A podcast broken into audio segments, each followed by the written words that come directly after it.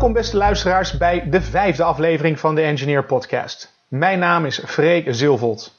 Vandaag ben ik op bezoek bij Enver Loken. Hij heeft samen met Rodney Nichols de Chocolate Makers opgericht. Een heuse chocoladefabriek in Amsterdam. Ik was er op een vrijdag, een dag waar alleen Rodney en Enver op de fabriek zijn, om lopende zaken te bespreken, ideeën uit te werken, te brainstormen of een podcast met mij op te nemen. Bij binnenkomst valt meteen de heerlijke geur van vers gemalen cacaobonen op. Een deel van hun voorraad komt per zeilschip aan uit Zuid-Amerika. En in de haven van Amsterdam mag iedereen helpen om de zakken cacao uit te laden en naar de fabriek te brengen. Maar dat moet wel milieuvriendelijk gebeuren. Dus met de benenwagen, skelter, bakfiets of een kruiwagen. Duurzaamheid is heel belangrijk voor Enver, want hij wil er alles aan doen om zo min mogelijk bij te dragen aan een onvermijdelijke klimaatverandering en de gevolgen daarvan. Enver en ik gaan zitten aan een tafel boven de fabriek, met op de achtergrond de geluiden van de fabrieksmachines en af en toe komen er bezoekers binnen en gaan weer weg. Ik heb mijn best gedaan om deze geluiden er zo goed mogelijk uit te filteren. In de podcast vertelt Enver hoe het is gekomen dat hij chocola's gaat maken. Over zijn loopbaan bij verschillende bedrijven en hoe hij erachter is gekomen dat hij beter in zijn kracht staat als vrij man. In de show notes kun je alle significante uitspraken van Enver nog eens nalezen en links vinden van diverse genoemde websites. De show notes van deze aflevering vind je op www.zilvold.com slash podcast 5. Dit is een bijzonder interview. Het begint niet op de standaard manier, maar Enver vertelt over een van de sporten die hij beoefent en zo rollen we het interview in. En in de outro heeft Enver nog drie lekkere cadeaus voor je. Dus ik raad je aan om tot het einde te luisteren. Dames en heren, hier is Enver Loken. Uh, ten alle tijde rustig ademen. Uh, als, je, als je blijft ademen, uh, dan blokkeer je niet, dan blijf je eigenlijk denken. Mm -hmm. als je blijft denken, dan weet je ook van, nou dan kan ik mijn, mijn body structure gebruiken. Kan ik mijn lichaam op allerlei manieren inzetten. En doordat ik mijn lichaam inzet, beweeg ik. En kan ik eigenlijk do doen wat ik wil. Mm -hmm. Dat zijn de vier principes waardoor je heel erg uh, ja, eigenlijk niet, niet in shock raakt, kan blijven bewegen, kan blijven doen wat je wil. Het is eigenlijk net wat je ziet in je werk. Als je heel veel stress hebt, werkstress, dan kom je eigenlijk vast te zitten. En dan zie je eigenlijk niet meer wat het probleem is. Of waarom je nou zo enorm gefocust bent op dat, dat ene, terwijl de buitenwereld zoveel mooier is. Hè? Je vergeet je kinderen, je vergeet je partner, je vergeet je vrienden, omdat je zo enorm in de stress zit en ik moet dit en moet dat. Ja, moet dat wel. Klinkt heel veel als mindfulness. Is het ook, maar in de In het nu-leven. Ja, maar in de basis zijn natuurlijk heel veel sporten, uh, bewegingen uh, uh, die je nu op ziet komen. Die hebben natuurlijk met mindfulness te maken. En mindfulness is een heel breed begrip, is een containerbegrip. Ja. Um, maar uiteindelijk gaat het erom dat je vrij kan denken. En dat is voor mij altijd een van de belangrijkste dingen geweest. Ik denk dat ik daarom ook ondernemer ben geworden. Is dat ik als vrij man uh, tegen de dingen aan kan kijken. Tegen de wereld aan kan kijken. Tegen relaties, tegen bedrijven, politiek. En uh, als ik maar als vrij man ergens tegenaan kan kijken, dan, dan ben ik het meest creatief. Dat Je vind ik de meest voor een werkgever gewerkt? Ik heb uh, na, mijn, na mijn studie heb ik um, even heel goed nadenken. Ik geloof dat het twee of drie jaar in de bouw gezeten voor een uh, werkgever. Mm -hmm. Destijds Koop Zuggen. Nou, dat was oh ja, niet de minste. Nee, nee. uh, en, en, en daarna, eigenlijk als ik het even vanaf het begin moet beginnen, is dat na mijn studie, ik het tropisch landgebruik. Mm -hmm. uh, het eerste jaar van mijn studie was, ik heel, was heel duidelijk. Ik ging ontwikkelingswerker worden. Dat is wat ik, dat is wat ik wilde. Dus in het buitenland? Ja. Oké. Ja. Nou, na vijf jaar studie, zes jaar was ik klaar. En na zes jaar wist ik eigenlijk totaal niet meer wat ik wilde. Of wat ik moest doen. En de hele ontwikkelingssamenwerking werd eigenlijk afgebouwd. Er waren helemaal geen banen in. Je kon je sub solliciteren, maar als je geen vijf jaar ervaring had, dan uh, kwam je eigenlijk nergens tussen. Precies. Uh, en dus toen heb ik met een vriendje gesproken, die zat in de bouw en die zei van, hey, joh, kom lekker samen met mij werken. En dat vond ik wel leuk. Dus ik ben helemaal onderaan de ladder weer begonnen als assistent uitvoerder in, in allerlei bouwputten. En langzaam uh, uitvoerder en hoofduitvoerder geworden. Ik deed gewoon uh, saneringen van, van uh, gasfabriekterreinen. Ja. Ik legde wegen aan, spoorweg. Kunstwerken. allerlei van dat soort dingen. stadions gesloopt. Um, om, klaar om, om huizen te bouwen. Mhm. En vanuit die bouw ben ik mij weer steeds verder gaan interesseren in duurzaam bouwen. En dat was mijn volgende stap. Toen ben ik voor een Duits bedrijf gaan werken, wat eigenlijk eh, eh, systemen ontwikkelde om natuur terug te brengen in de stad. Eh, begroeide daken, bomen, parkeergarages, watersystemen, wateropvangsystemen, al dat soort zaken. En dat is iets wat gewoon bij mij heel dicht bij mijn hart ligt, is wel zeg maar het, het, het juiste doen voor mensen en natuur een van, van de dingen die zit echt eh, diep in me. En ik weet niet waar het vandaan komt. Maar voor mij is het zo dat als ik iets zie, merk of tegenkom waarvan ik de balans eh, tussen mens en natuur niet zie, dan is het voor mij niet logisch om te doen. Of om het te stimuleren, of om het te kopen. Of, Wanneer ben je erachter gekomen? Al, al heel vroeg. Al op de Europese school. Oké. Wow. Dat, dat, eh, dat, dat, zat er alleen, dat zat erin, alleen het is natuurlijk een hele grote zoektocht. Of Voor mij was het een zoektocht om te kijken hoe zich dat dan manifesteert. In welke banen. We denken natuurlijk allemaal in banen en opleidingen. En eh, je moet daarheen, je moet dit doen, je moet zus doen. Mm. Eh, ik herinner me nog dat toen ik voor dat Duitse bedrijf werkte en ik besloot op dat moment zelfstandig te worden, mijn eigen bedrijf op te zetten samen met een, met een studiegenoot. Dat mijn vader, die zei echt van, eh, ja maar, wat, wat ga je dan doen? Ik bedoel, ja, wat, wat gebeurt er dan met je auto? Wat, eh, eh, Hypotheek. Nee, je, je Maar hebt daar geen baan meer. Ja, Het was net, Kosten. Ellen was net zwanger van, van Jesper, onze eerste zoon. Dus voor die man was het totaal onlogisch. Hij kon, hij kon dat niet in een context plaatsen. Mhm. je, hebt, je hebt een baan, je bent in loondienst. en, eh, je krijgt van je baas een auto. eh, daardoor, omdat je in loondienst bent, kan je een hypotheek eh, krijgen, betalen. En alles zit daaraan gekoppeld. En op het moment dat je dat weghaalt, valt het gewoon helemaal uit elkaar. Dus die man die was daar echt uh, doosbenauwd voor. En, het- en het, En hoe was jij daar? Hoe, hoe was jij daar? Nou, tegenover hem? van, oh ja, de- zo van, ja, dat is jou- jouw wereld geweest. Dat is niet mijn wereld.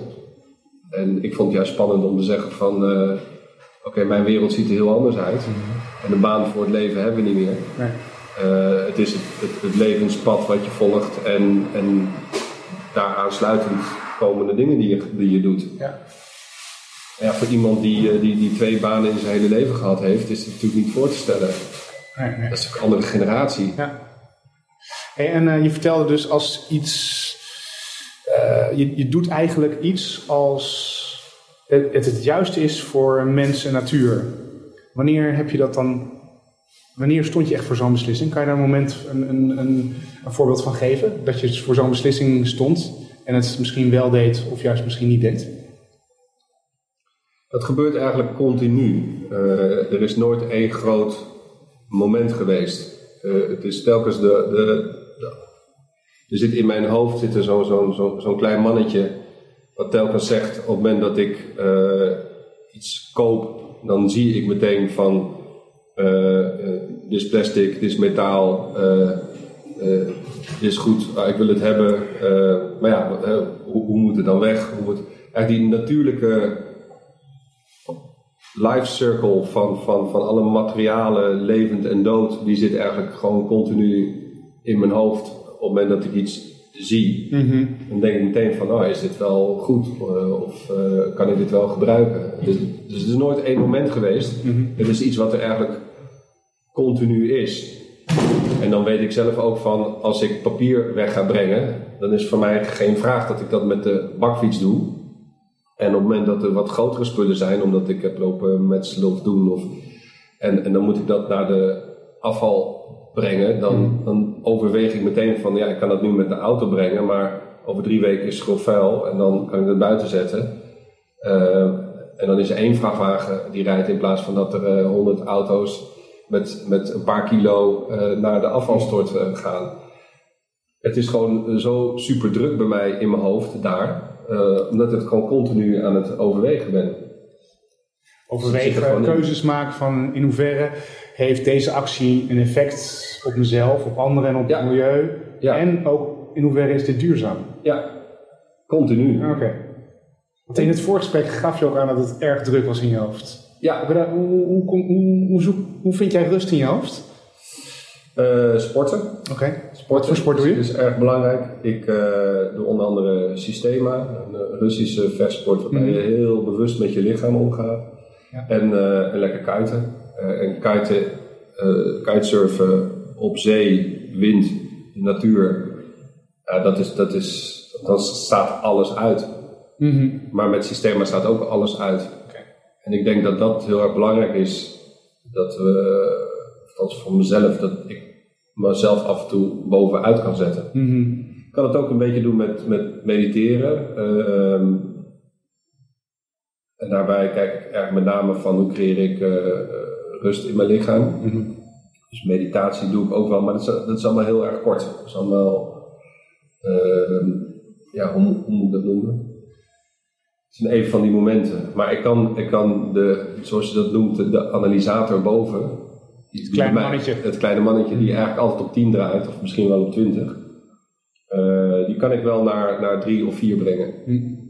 Als ik weet dat dat moet. Stoort hij nooit, dat kleine mannetje? Als je echt in een flow bent? Nee, in, nee in, een, in een flow dan staat hij ook uh, op een bepaalde manier uh, uit en, uh, en heeft hij zijn richting. Er is maar één manier waarbij die bij mij moeilijk uit te zetten is. En dat zit hem toch met name in uh, op het moment dat de intermenselijke relaties, uh, met name met uh, personeel of vrienden, niet lekker lopen, die blijven doormalen. -huh. En dat is ook datgene wat dan blijft doormalen op het moment dat je je bed instapt ja. en dan niet meer lekker kan slapen, omdat ja. het altijd ergens telkens weer dat rondje draait van, nou, wat moet dan doen, zus doen, zo doen. Dan, dan kan ik wakker liggen. Wat doe je dan? Blijf je dan wakker? Lig, lig ik gewoon een keertje een nachtje wakker. oh jee. nee, we hebben, ja, ik heb me wel verbaasd. We hebben hier ook mensen uh, die, die, die hier werkten waarbij het af en toe gewoon echt misging. Hm. En vanuit mijn uh, zelfstandige positie ben ik dat niet gewend. En nu heb ik een bedrijf waar mensen in zitten en dat is denk ik het allermoeilijkste. Uh, ik wil het zo goed mogelijk doen met mensen begeleiden en, en kans geven. Uh, maar er gebeuren ook vaak dingen die ik zelf niet in de hand heb. Oké, en dan? Ja, dan is het dus de vraag van, uh, ga ik ermee in gevecht? Accepteer ik het? Uh, ja, er is hier ook een keer een geval geweest waarbij je uiteindelijk gewoon met advocaten moet werken mm -hmm. en echt iemand eruit moet ja. vanwege ongewenst gedrag. En zijn dingen die ik zelf niet wil, maar die, die, die, die gebeuren gewoon. En achteraf heb ik heel goed gehandeld. Uh, maar dat zijn echt momenten dat ik wakker heb gelegen. Ja. En dat is niet fijn, omdat ik dit doe met alle goede bedoelingen. En mhm. juist met het idee van ik ga iets moois neerzetten. Maar soms komt er iets op je pad die juist zegt van uh, nou, ga je even testen. En zie je dat echt als een leermoment? Wat heb je daar toen van geleerd eigenlijk? Hoe heb je dat kunnen loslaten? Dat zijn absoluut leermomenten. Mm En uh, het meeste wat ik geleerd heb is gewoon luisteren naar mijn uh, gevoel, intuïtie, mm uh, heel erg open zijn. Waar zit dat? Heel veel van mijn luisteraars die hebben toch wel moeite mee met gevoel en intuïtie. Ja, ja dat geloof ik, want we rationaliseren alles weg. Precies. Waar zit jij, hoe, hoe, hoe kan jij naar jouw gevoel en naar jouw intuïtie luisteren? Waar zit dat bij jou? Nou, het zit, zit bij iedereen gewoon in zijn lijf, in zijn energie. Alleen, eh, ik denk dat wij als mensen dat wel moeten trainen. Dus ik heb het wel getraind. intuïtie moet je wel trainen. Daar heb ik ook cursussen voor gedaan. Mhm. En op, op je eigen intuïtie moet je ook vertrouwen. Vaak, vaak dan krijg je een gevoel. Mhm. En dan denk je van, oh ja, maar ik, ik moet dit hier doen. Of ik moet dat tegen hem zeggen, Precies. of wat dan ook. Ja. En dan ondertussen gaat, gaat je hoofd dan aan de, aan de, aan de gang. Met eh, vergelijken in een ander, de, de, de hele omgeving aftasten. En is dat wel handig en is dat wel slim? Dus je gevoel zegt van, eh, nou ik wil hem nu een knuffel geven. Terwijl eh, al het andere zegt van, eh, ja wacht eens even. hè, ehm, Hij moet een schop onder zijn kont krijgen. Precies, je moet op zijn kont krijgen, je moet hem op zijn contract wijzen, Ja, of eh, hij moet gewoon een keertje gaan werken, Ja. want eh, ik, ik betaal hem eh, 50 euro per uur. Mhm. Eh, nou, dat soort dingen. En Mm. op dat moment is misschien wel het slimste om hem eh, een knuffel te geven, want dan vallen heel veel van dat soort barrières weg en gaat iemand wel datgene doen wat hij, wat hij eigenlijk wil. Want in de basis wil iedereen, eh, nie- niemand maakt expres fouten. Niemand loopt expres te, te kutten. Ja, ze zijn er wel, maar dat, dat percentage is, is mega klein. Hè? Over het algemeen is de mens gewoon goed. En, eh, en, en daarop moet je vertrouwen. Mhm. En ik heb dus geleerd om steeds meer met mijn intuïtie aan de slag te gaan. Wat voor cursus heb je gevolgd? Ja, het is eh, ehm, bij het Centrum voor Leven en Intuïtie in Utrecht. En dat, nou, dat is- daar kan ik geloof ik de komende jaren nog wel eh, eh, aan de slag. Maar, maar daar word je getraind om gewoon je gevoel, je intuïtie, je energie te laten stromen en, eh, en, en ook voor jou te laten werken. Heeft dat jou gebracht waar je nu bent? Onder andere. Ja. andere. Wat nog meer? Wat zijn nog meer factoren die jou gebracht hebben waar je nu bent? Kan je even vertellen wat je nu doet? Ik denk dat ik eh, eh, dat eh, leeftijd helpt. ja, als je ouder wordt, word je toch wijzer. Denk Hoe oud ben je? Oké. ik ben nu 43. Ja, ik voel me nog steeds eh 25 of 26. Ik weet dat dat niet waar is, maar. eh, er zijn natuurlijk heel veel van die clichés. Hè? Je bent zo oud als dat je voelt. Ja. En ik vind dat ook echt. En eh, ja, als ik dan een keer op een festival sta en ik ben de enige met grijze haren, dan, dan is dat zo. Dat kan me niet veel schelen. Het is alleen leuk en dan komen er wel van, van die mensen op je af van, goh, wat leuk dat u er ook bent. Precies. Ik was laatst bij mijn vrouw bij, bij een inspiratiesessie.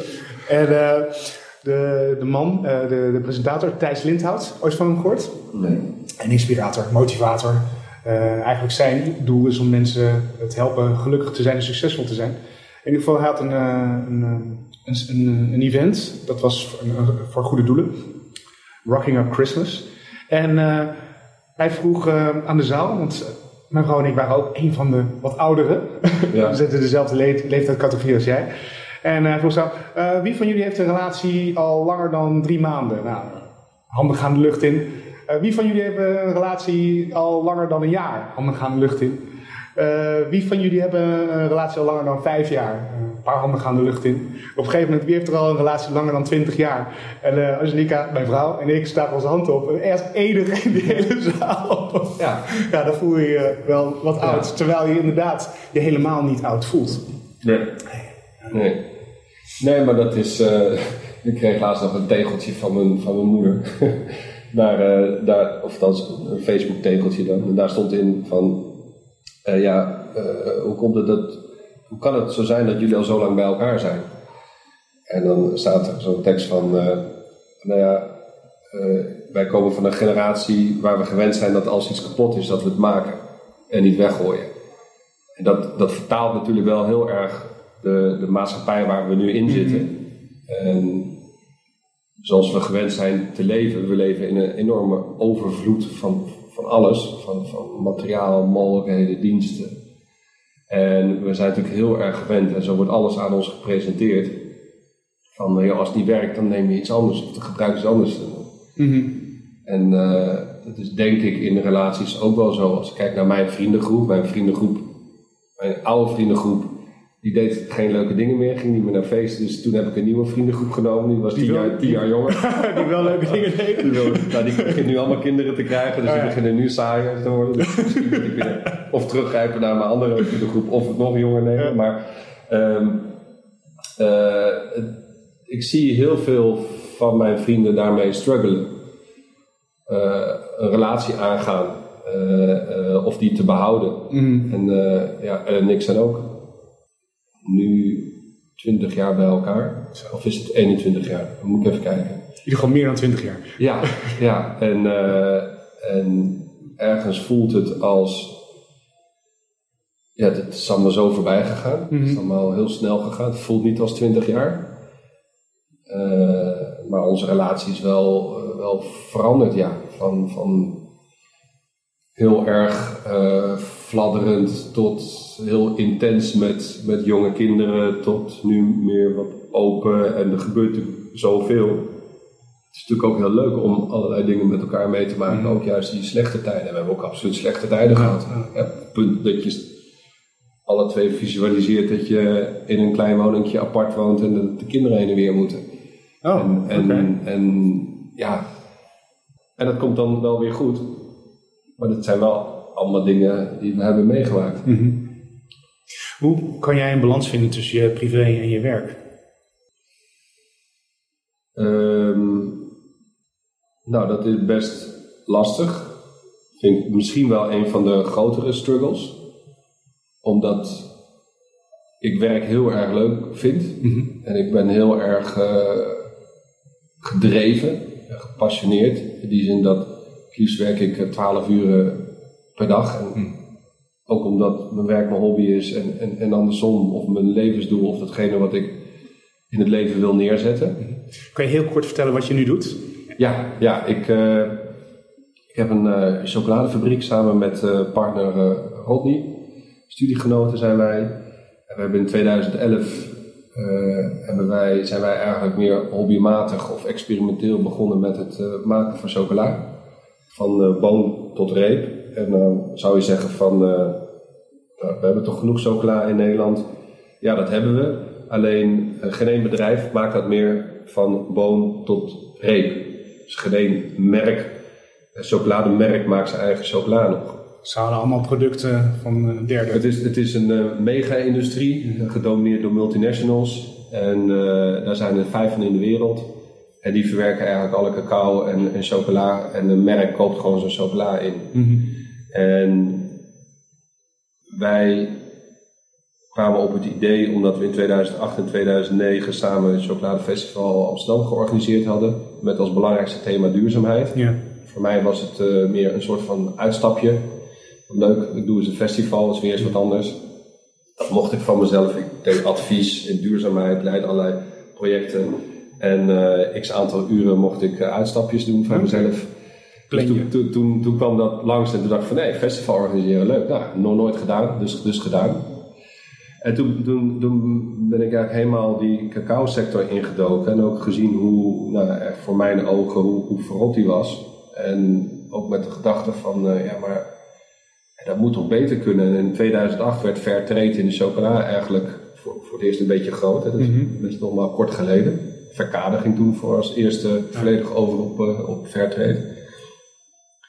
En eh, alleen Rodney en ik kwamen daarachter en toen hadden we zoiets van, nou we willen mensen eigenlijk laten zien hoe van boon tot reep chocola gemaakt wordt. En eh, omdat we zagen dat Fairtrade is er, maar de ellende bij de boeren blijft groot. Er is enorme natuurschade. We hebben eigenlijk geen idee wat we aan het doen zijn met ons voedsel. Dus toen kwam eigenlijk de gedachte op van, nou, als, als wij nou chocolade gaan maken en wij willen die chocolade in het oneindige kunnen doorproduceren en consumeren. Mhm. Hoe ziet dat er dan uit? Eh, hoe zou je het bedrijf van de toekomst maken in de chocola? Eh, als, je, als je nergens aan niemand meer schade wil berokkenen. Dat betekent dat eh, naast het feit dat een boer een, een goede prijs moet krijgen, waardoor die een bepaalde levensstandaard Mhm. kan, kan handhaven en, en, en niet in armoede leeft, maar dat hij zijn eigen natuur ook kan beheren. Dat wij geen eh, schade berokkenen in, in transport en logistiek, eh, maar ook niet in productie. Dat we niet een, een suikerproduct, maar gewoon een goed product op de markt brengen. Mhm. Eh, zo min mogelijk afval of datgene wat we maken kunnen recyclen of zelfs upcyclen. Nou, zo, dat, datgene wat we in elkaar gezet hebben, dat is eigenlijk met name gewoon wie we zijn en wat we, wat, wat we willen uitstralen. Dus dat mannetje in mijn hoofd, dat werd eigenlijk verbonden met, met, het, met het bedrijf wat we hier fysiek aan het creëren zijn. En over elke stap eh, en dat kan je alleen maar doen als je elke stap in de keten ook kan beïnvloeden en beheren. En dus ook zeggen van, ik wil hier geen concessies maken. Ik wil doen wat, wat, wat goed is. Het eigenaarschap van elk onderdeel van je productiesysteem. Ja, kijk, het is heel makkelijk om te zeggen van, uh, nou, ik heb uh, verpakkingsmateriaal nodig. Nou, en als ik uh, standaard kijk in de verpakkingsindustrie, die is ook mega groot. En dan krijg je een paar standaard spullen aangeboden. Mm. Vooral als klein bedrijf moet je gewoon kiezen tussen standaard dingen. En, en ja, alle standaard producten zijn over het algemeen niet milieuvriendelijk. Mm. Nou, dan zeg ik dus van, ja, maar ik wil het wel milieuvriendelijk. En wat moet ik dan doen? Welke keuzes heb ik? En die weg die is uh, eigenlijk best lastig. Kost veel tijd, kost ook geld. Dus uh, uh, alleen de, het, het, kan allemaal. Zo hebben we bijvoorbeeld met de, de, de, KLM kwam op een gegeven moment naar ons toe van goh, een mooi lokaal merk. Hè. Ze wilden meer Nederlandse merken in, in hun catering hebben, met name in de business class. Die kwam naar ons toe en uh, die zei van nou, we zijn bezig met een uh, soort van tender. We hebben vijf partijen gevraagd om chocolade te leveren in de business class. En vroegen ze dus van, joh, willen jullie meedoen? En toen heb ik gezegd van nee, ga ik niet meedoen. Want, uh, want um, dat is bout. Ja, maar het is heel simpel. Wij hebben, een, we hebben repen en dat zijn de duurste repen op het schap. Mm -hmm. Maar ze kunnen nog net op het schap. Ja. Alleen ik heb gezegd van, uh, ja, we hebben de duurste reep op, uh, op het schap. Dus wij, onze chocola is ook gewoon de duurste. Dus ik weet nu al, uh, jullie gaan kijken en, en, vergelijken. En prijstechnisch komen we daar niet uit. Ja. Dus ik ga het niet hebben meedoen zonder van mijn tijd en energie. Mm-hmm. Ik bedoel, je een mooi bedrijf, maar... Oké, okay, nou goed. weer gewoon vriendelijk bedankt en opgehangen. Zo.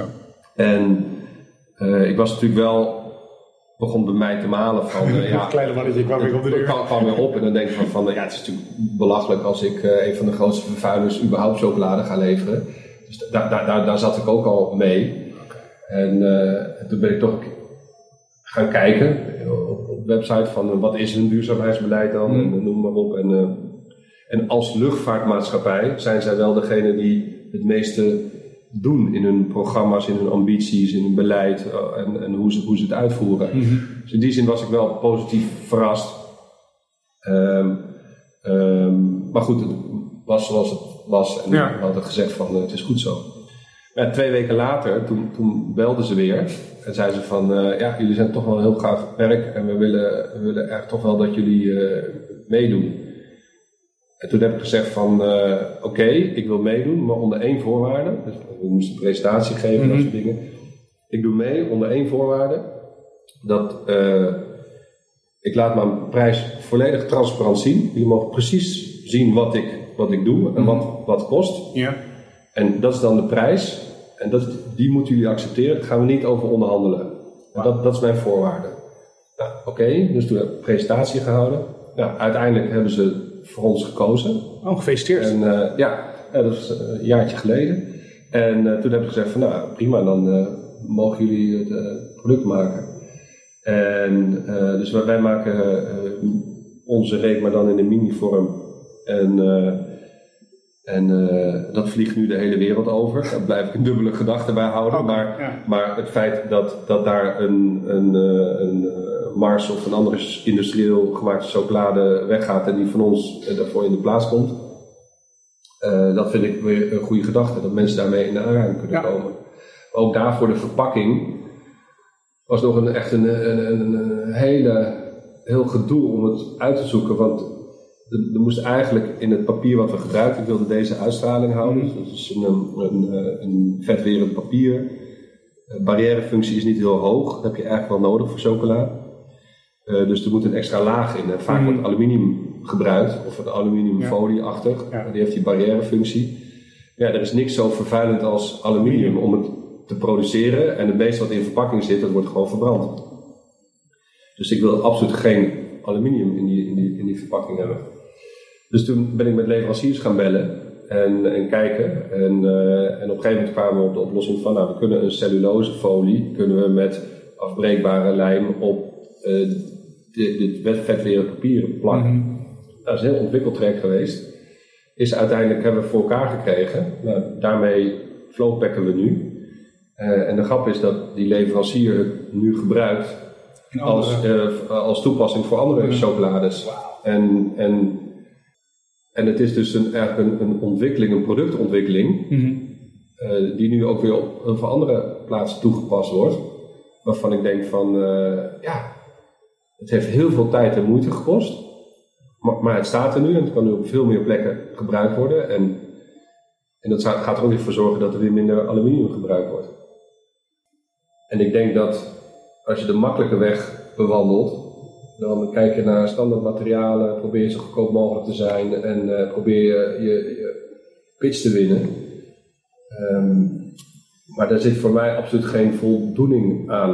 Het is eigenlijk heel makkelijk zo goedkoop mogelijk eh, eh, te produceren en, en dingen te Is maken. het daarom ook dat jij zo veel werkt? Dat je je werk zo leuk vindt? Voor die voldoening?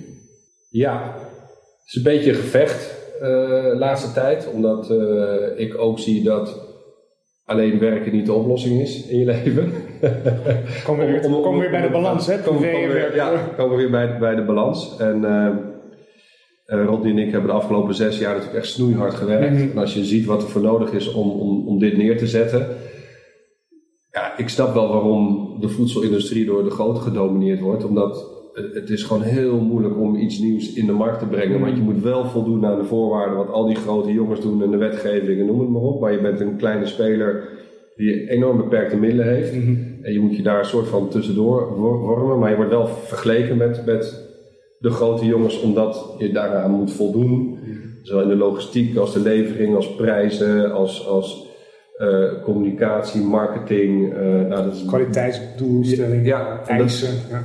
bijna onmogelijk om als, als kleine ondernemer daartussen te komen. En dat niet voor niets, daarom domineren die grote jongens dat, dat hele veld. En ze maken alles alleen maar strenger om ervoor te zorgen dat nieuwkomers daar eh, moeilijk tussen passen. Hmm. Of althans alleen met hele grote investeringen. Ja. Ehm, maar terugkomend op het, op het, op het werken, dus het, heeft ons heel veel eh, tijd en energie gekost, ook heel veel voldoening gegeven. Eh, maar voor mij is het nu niet meer zo dat het, het, het, eh, het keihard werken hieraan, dat dat de manier is om mijn doel te bereiken. Ik denk zelfs dat met minder werken en meer in mijn kracht zitten, dat ik misschien nog wel meer ga bereiken. En dat betekent weer dat ik naar mezelf aan het kijken ben van en wat moet ik wel doen en wat moet ik niet doen. Mhm. Waar ben ik goed in en waar ben ik eigenlijk niet goed in. En het is in, in, als je een eigen bedrijf hebt, dan ga je heel veel dingen doen waar je eigenlijk niet zo goed in bent. Maar ja, die moeten wel allemaal gebeuren. Mhm. Of het nou administratie is, eh, eh, dingen nabellen, eh, van, van schoonmaken eh, tot eh, kwaliteitscontroles en noem het maar op. eh, of mensen aansturen. Ehm, ik heb gemerkt dat ik, ik ben niet goed in mensen aansturen als ik onder tijdsdruk zit. Mhm. Eh, als ik heel veel verplichte dingen heb. En dan kom ik weer terug op mijn, mijn gevoel als, als vrij man zijn. Ben, ben ik vrij, dan ben ik in één keer eh, heel goed met, met mensen. Dan zit ik ook in mijn kracht, dan ben ik ook heel creatief. Op het moment dat er hier op de fabriek heel veel gebeurt en er is niemand aan wie ik het over kan dragen, dan kom ik in een soort van ja, kooi die, die, die aan het krimpen is, Mhm. waar steeds minder ruimte is.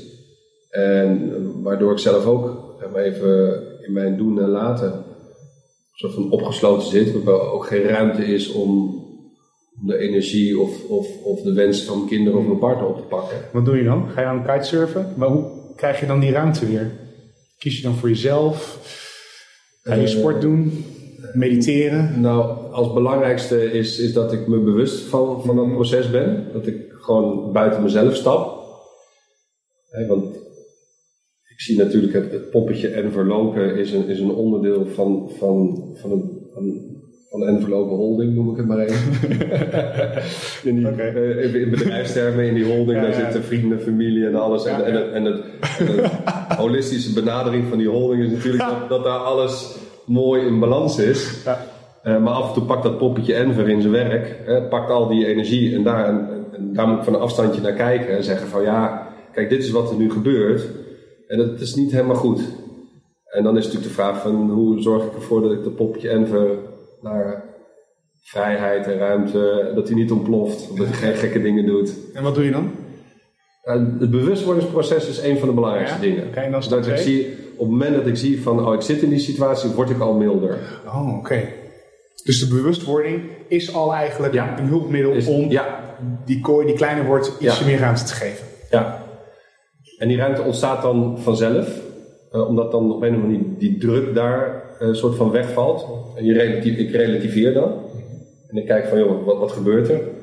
En dat relativeren heeft ook te maken van, joh, neem jezelf niet al te serieus. Hè? Zo belangrijk ben je nou ook weer niet eh, in die positie.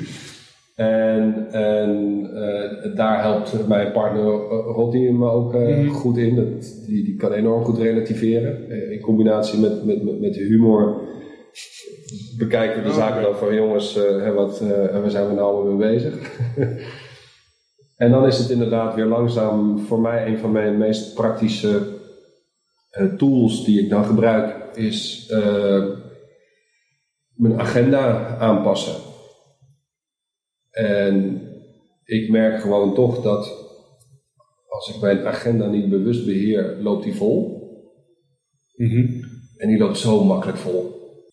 Er zijn allerlei afspraken en dingen. Dit moet gebeuren, dat moet gebeuren. En voordat je het weet zit die hele agenda van, van s ochtends vroeg tot s avonds laat vol met werk. Dus wat betekent dat? Dat je Dat gaat betekent- uitbesteden, eh, delegeren of nee zeggen? Nee, nee, niet eens. Ik zet gewoon, eh, ehm, dan zet ik gewoon neer van, eh, dan ben ik op de fabriek, dan ben ik er niet. Mhm. En als ik eh, niet ben, dan zeg ik gewoon van, nou, ko- komende maand. Ik heb bijvoorbeeld gezegd van, ik heb vier, vier weken in de maand. En drie weken mag ik eh, werkafspraken maken. En één week niks, geen werkafspraken. Ik werk wel gewoon, Ja. maar geen afspraken. Wauw. En dat betekent dus, en als, je dat, als ik dat in mijn agenda zet en belt iemand, en eh, ja, we moeten dit en dat doen, ja, natuurlijk moeten we dit en dat doen. En dan, wanneer, wanneer, wanneer, Ja. eh, wanneer kunnen we een afspraak maken? En dan, dan kijk ik en dan, en dan zie ik in mijn agenda op die week van, oh nee, dat is de de week die ik vrij moet houden. Ja. Dus dan, eh, oh nee, die week kan niet, nou, de volgende week daarop. Dat zou dan kunnen. En, Geniaal. en, en dan heb, heb ik gewoon, dan wordt er een ruimte gecreëerd. En dan kan ik in die week ben ik wel gewoon aan het werk, maar dan ben ik al die losse eentjes en dingen doen en dan komt er op een gegeven moment lucht. En dan merk ik weer van, oh, eh, kan weer iets vrolijker worden. En, Ja. En hoe ga je dan om met brandjes? Is altijd ook in een fabriek, een lopend proces, Ja. er gebeurt altijd wel wat. ja, En dat moet opgelost worden. Ja, brandjes je niet zeggen van ja, eh, sorry, we komen over Nee, dat- een week terug. Ja, nee, dat klopt. Maar brandjes vallen op zich wel mee. Eh, de- dus, dus, eh, Dat als- zorgt er niet voor dat die kooi kleiner wordt. Nee, nee, nee. Als, Oké. ik, als we één, één brandje in de week hebben, dan is dat, is dat veel. Nee, we hebben over het algemeen weinig brandjes. Oké, goed. En dan moet een keertje een klant geholpen worden, zus of zo. Maar dat zit dan wel redelijk in het, in het normale proces. Maar de stress ontstaat op het moment dat er tussen afspraken en dingen geen ruimte zit om te verwerken of over na te denken. En zo- Dus bijvoorbeeld wat Rodney, met elkaar, eh, Rodney en ik met elkaar hebben afgesproken. We hebben, we hebben mensen in dienst. Die werken van maandag tot en met donderdag. Dus die werken vier dagen in de week. Vijf dagen in de week doen we niet aan. Wij werken vijf dagen in de week. Maar onze medewerkers werken maar vier dagen in de week. Zodanig dat we op vrijdag eh, kunnen brainstormen eh, over hele andere processen, kunnen praten over de toekomst. eh, of gewoon, joh, als het waait, dan neem ik vrij en dan ga ik even iets anders doen. Kitesurfen bijvoorbeeld. Kitesurfen. eh Rodney gaat aan zijn bootje werken. Of nou, die belde laatst ook op van, joh, ik ben, joh, ik ben met de boot weg. En eh, ben er even niet. Ja. Ja, prima. En dat is ook wat we elkaar gunnen, die ruimte die is er. Daar kijken we elkaar ook niet op aan of zo. Dus dat is de, de, de, de plek die gecreëerd is. En ik denk dat je heel makkelijk in je agenda dat soort plekken kan creëren. En je moet de discipline hebben op het moment dat je die plek gecreëerd hebt. Dat je die plek ook laat zijn wat die is. Mhm. En dat, het, dat je daar ook niet door je medewerkers of door andere dingen in laat zetten. Dat is wel jouw agenda. Fantastische tip. Ja. Enver, de vraag waar ik altijd mijn eh, interviews mee begin, en we zijn nu een dik half uur verder. Ja, begin eens Is, met je eh, interview. Zullen we gaan beginnen? Waarom ben je ingenieur geworden? Ik ben eh, nooit bewust ingenieur geworden. ik heb een oom die, die werkte bij de FAO, bij de, Mm. bij de VN-organisatie voor Voedsel en Landbouw in de, in de wereld. Mhm. En dat was voor mij mijn grote voorbeeld. Die deed ontwikkelingswerk en eh, dat is wat ik ook wilde doen. En dat, dat de titel ingenieur uiteindelijk had, daar was ik mij niet bewust van. Dus voor mij was het logisch om die ontwikkelingsstudies te doen en dat eh, kon je in Wageningen doen. Mhm. Het was wel duidelijk dat ik voldoende hersencapaciteit had om, eh, om een universiteit te volgen. En dus voor mij, ik heb ook geen ene andere universiteit gezien. Voor mij was het gewoon van, eh, ik ga naar Wageningen, dat wordt het. Klaar. Oké. Als je in, eh, in het jaarboek kijkt van de Europese school, dan, dan staat dat daar ook al. Hè? Enver wordt boer, maar die gaat naar Wageningen. hè? Of die gaat naar Wageningen om boer te worden. Er was no question about it. En, en in Wageningen ben ik een soort proces ingegaan van hé, hey, dit wil ik wel, dit wil ik niet, of dit past wat meer bij me. En daar kwam heel duidelijk uit dat de techniek echt iets voor mij is. Techniek wel heel erg mooi. Mhm. Dus ik ben de, de, de, de- technische kant opgegaan. En de eerste keer dat ik mij echt realiseerde dat ik ingenieur was, was eigenlijk in mijn eh, tweede baan eh, voor een Duits bedrijf. Mhm. Eh, en Duitsers zijn enorm gesteld op titels. Dus dat Oh, komt Ja, ook op je kaartje. En dan wordt door de directeur ook aangesproken als her-ingenieur loken. En ik vond, wat zegt hij nou? Dat hoeft echt niet op mijn kaartje, want ik ben gewoon Enver. Maar dat is natuurlijk ook het cultuurverschil tussen Duitsers en Nederlanders. Maar dat was voor het eerst dat ik echt realiseerde van, oh ja, ik ben blijkbaar ingenieur. Maar ik heb dat nooit zo gevoeld. Ik heb ook nooit echt die keuze gemaakt van, ik ben ingenieur. En ik weet ook niet of ik dat echt ben. Eh, Van hetgene wat ik nu eigenlijk doe, eh, ik denk dat ik meer ondernemer ben en dat het ondernemersbloed meer in me zit dan het ingenieursbloed.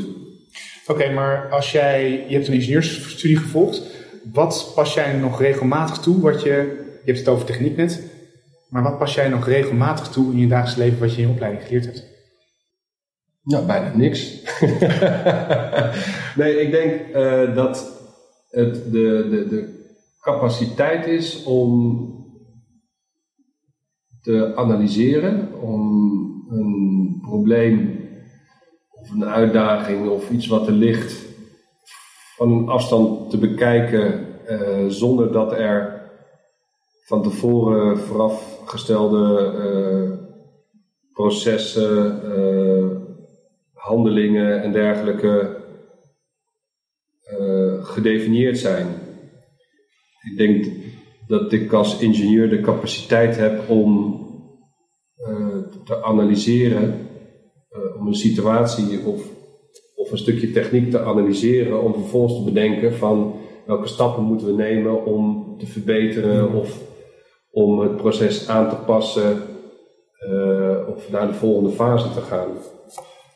Met het bedrijf wat Ronnie en ik hier hebben neergezet, eh, ben ik eigenlijk voor het eerst erachter gekomen dat er een enorm wezenlijk denkverschil is tussen mensen die eh, MBO of HBO eh, eh, gedaan hebben en mensen die meer wetenschappelijk opgeleid zijn.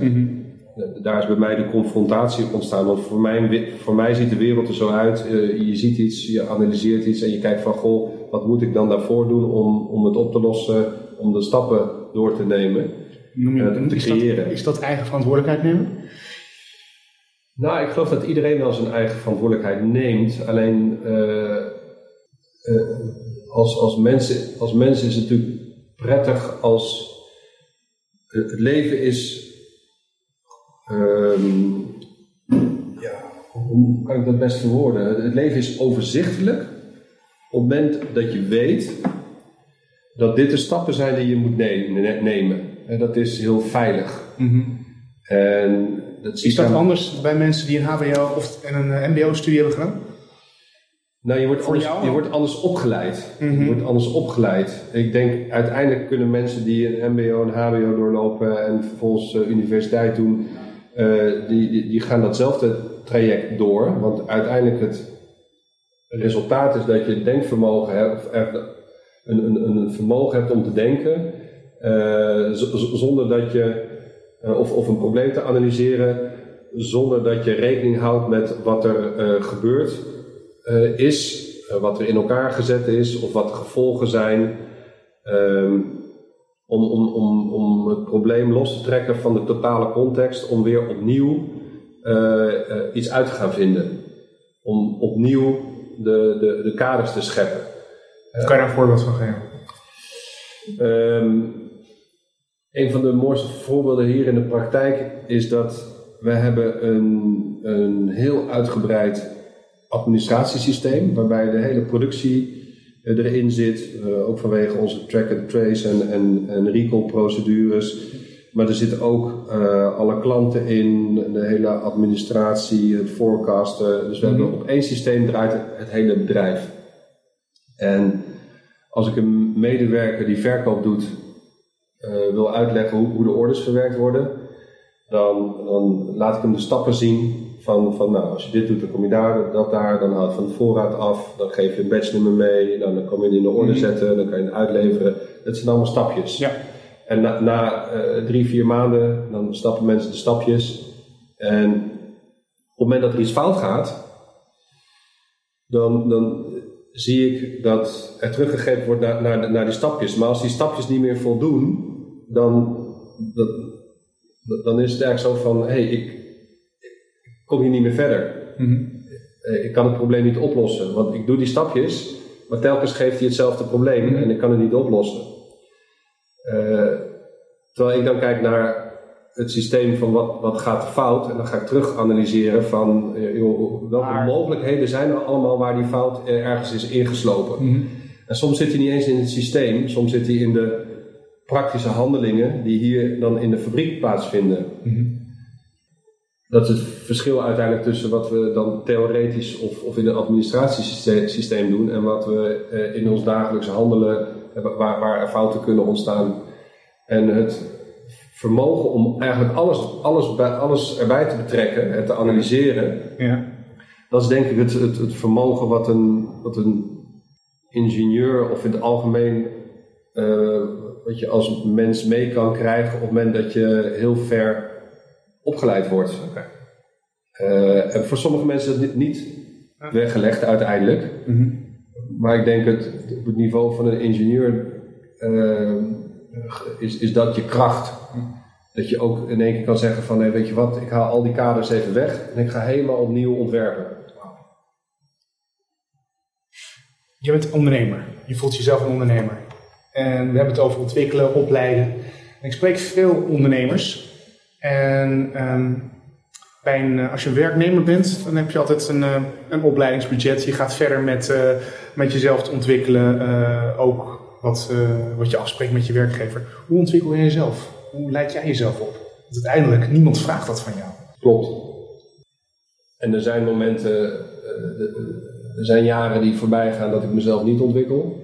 Dan ben ik gewoon kaart aan het rammen. Mhm. En er zijn jaren dat ik me weer bewust van ben van, uh, goh, uh, wat wil ik persoonlijk? En dan doe ik cursussen en die zijn eigenlijk allemaal niet van inhoudelijk van aard. Mhm. het, bijspijkeren, want, mhm. want, het bijspijkeren voor bijvoorbeeld een, eh, een, een, exact cursus als het gaat om die administratie, ja, dat, kan ik ook op internet vinden of gewoon door, door uit te vogelen. Mm uh, dus het is nooit echt een, een technisch bijspijkeren, het is, het is, altijd persoonlijk bijstellen, uh, bijspijkeren. Dus dan gun ik mezelf eerder een coachingstraject of een opleidingstraject in, in trainen van intuïtie of, hmm. of energie. En okay. daar merk ik eigenlijk de grootste groei dan. En terwijl als mens groeien. Hmm. Waar heb je eigenlijk chocola liggen maken? Hier. Gewoon hier, ja. ook zelf? Ja. Kijk, ons, ons bedrijf zegt altijd, ons bedrijf is de helft internet en de andere helft gewoon doen. Ja. en op internet kan je alles vinden en daarna moet je het gewoon doen. Dus ik denk dat iedereen kan worden wat hij wil. Mhm. We hebben internet. En daarna moet je het lef hebben om, uh, om daar maar te gaan klooien.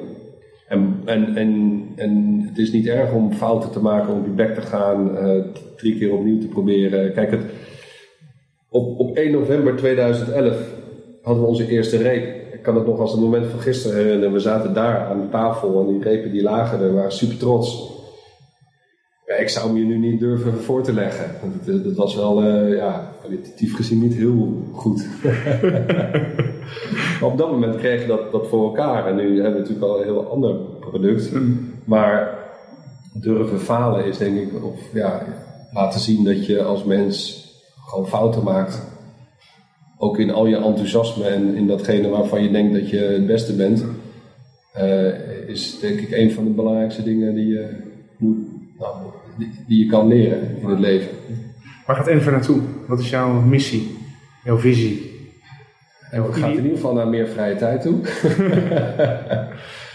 Ehm,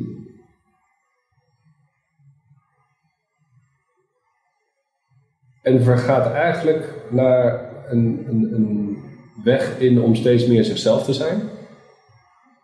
Om steeds meer mijn eigen balans eh, te, te, te vinden en, en te zoeken. Eh, je zou zeggen van, eh, nou, als dat na 43 jaar nog niet gelukt is, dan eh, succes met de komende 43 jaar. Maar eh, ik vind dat eigenlijk een van de mooiste processen, de eigen, mijn eigen ontwikkeling als mens zijnde. En, ik, en het, het werk helpt mij daarbij om te laten zien van, eh, dit, dit vind ik heel erg leuk om te doen. Maar hier ben je niet heel erg goed in en daar ben je dan wel, erg, ben je wel goed in. Eh, het werk helpt mij erbij om, om mezelf beter te, te, te ontdekken. En werk geeft natuurlijk heel veel voldoening. Eh, in het verleden had ik er nog wel eens last van dat ik het koppelde aan mijn, aan mijn ego. Eh, nou, dat ben ik wel langzaam een beetje aan het, aan het loslaten. Het is niet het, het werk die ervoor zorgt wie, wie ik ben. Daar moet ik toch echt wel zelf voor zorgen.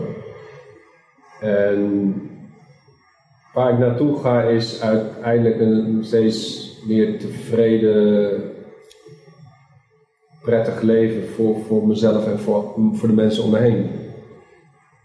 En ik denk niet dat het altijd in deze hoedanigheid zal zijn. Ik denk dat de komende vijf jaar daarin best wel veel verandert.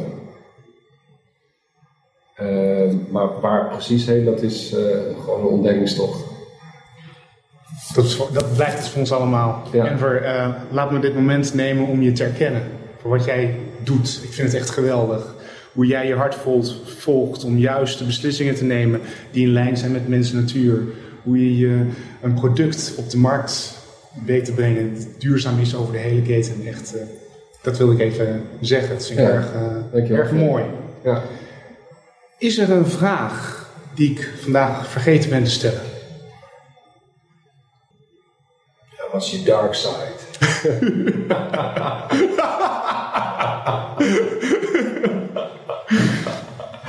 ja, is dat geen mooie vraag? Iedereen heeft een, eh, een, een donkere kant. Wat is de donkere kant van Enver?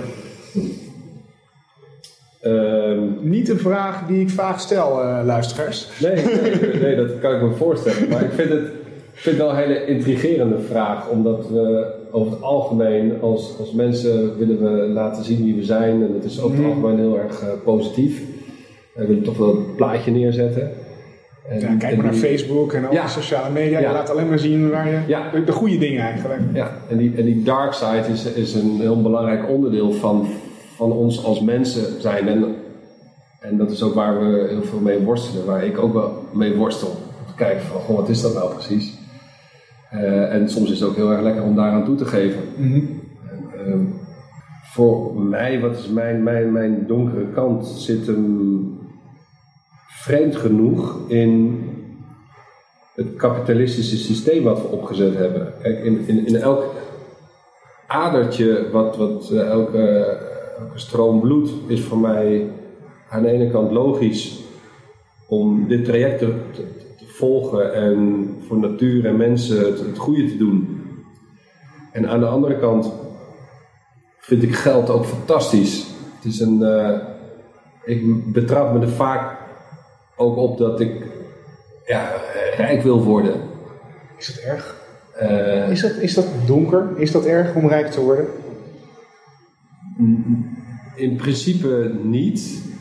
Eh, maar onze maatschappij heeft er wel voor gezorgd dat, het, eh, dat die kant donker geworden is. En ik voel dat.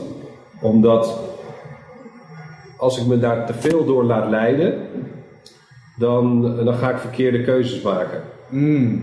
En, en, en die temptation, eh, die, die komt natuurlijk telkens op, je, op, op mijn pad. Mhm.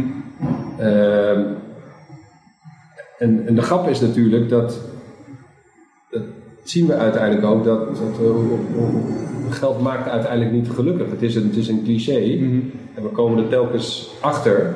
Het heeft te maken met, met, met eh, geld en macht en, en invloed. En dat, dat is iets, dat zien we in de maatschappij, dat is een, dat is een donkere kant die toch eh, misschien mannen meer hebben dan vrouwen.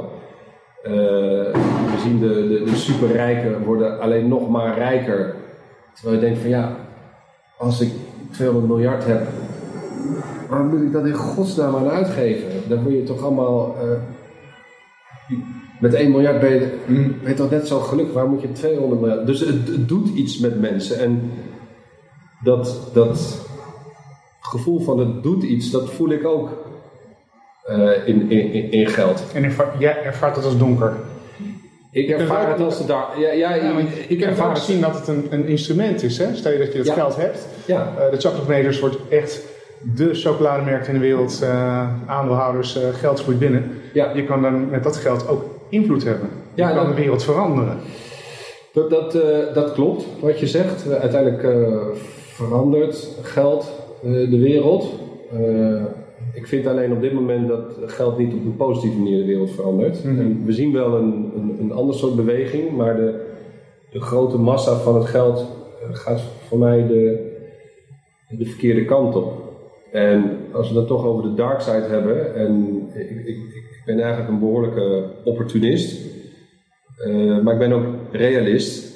En als ik kijk waar we met z'n allen naartoe gaan, dan denk ik dat eh, mijn kinderen zeker, maar ik ook, wij gaan hele donkere tijden meemaken. De, de, de, de aarde is een keer op. Eh, en op de lange termijn is dat natuurlijk goed, maar er gaat iets gebeuren wat, wat we helemaal niet fijn vinden met z'n allen. En dat gaan we gewoon meemaken. Eh, het is een beetje de vraag of we net op het randje zitten van gaan we, gaan we het nog voorkomen of niet.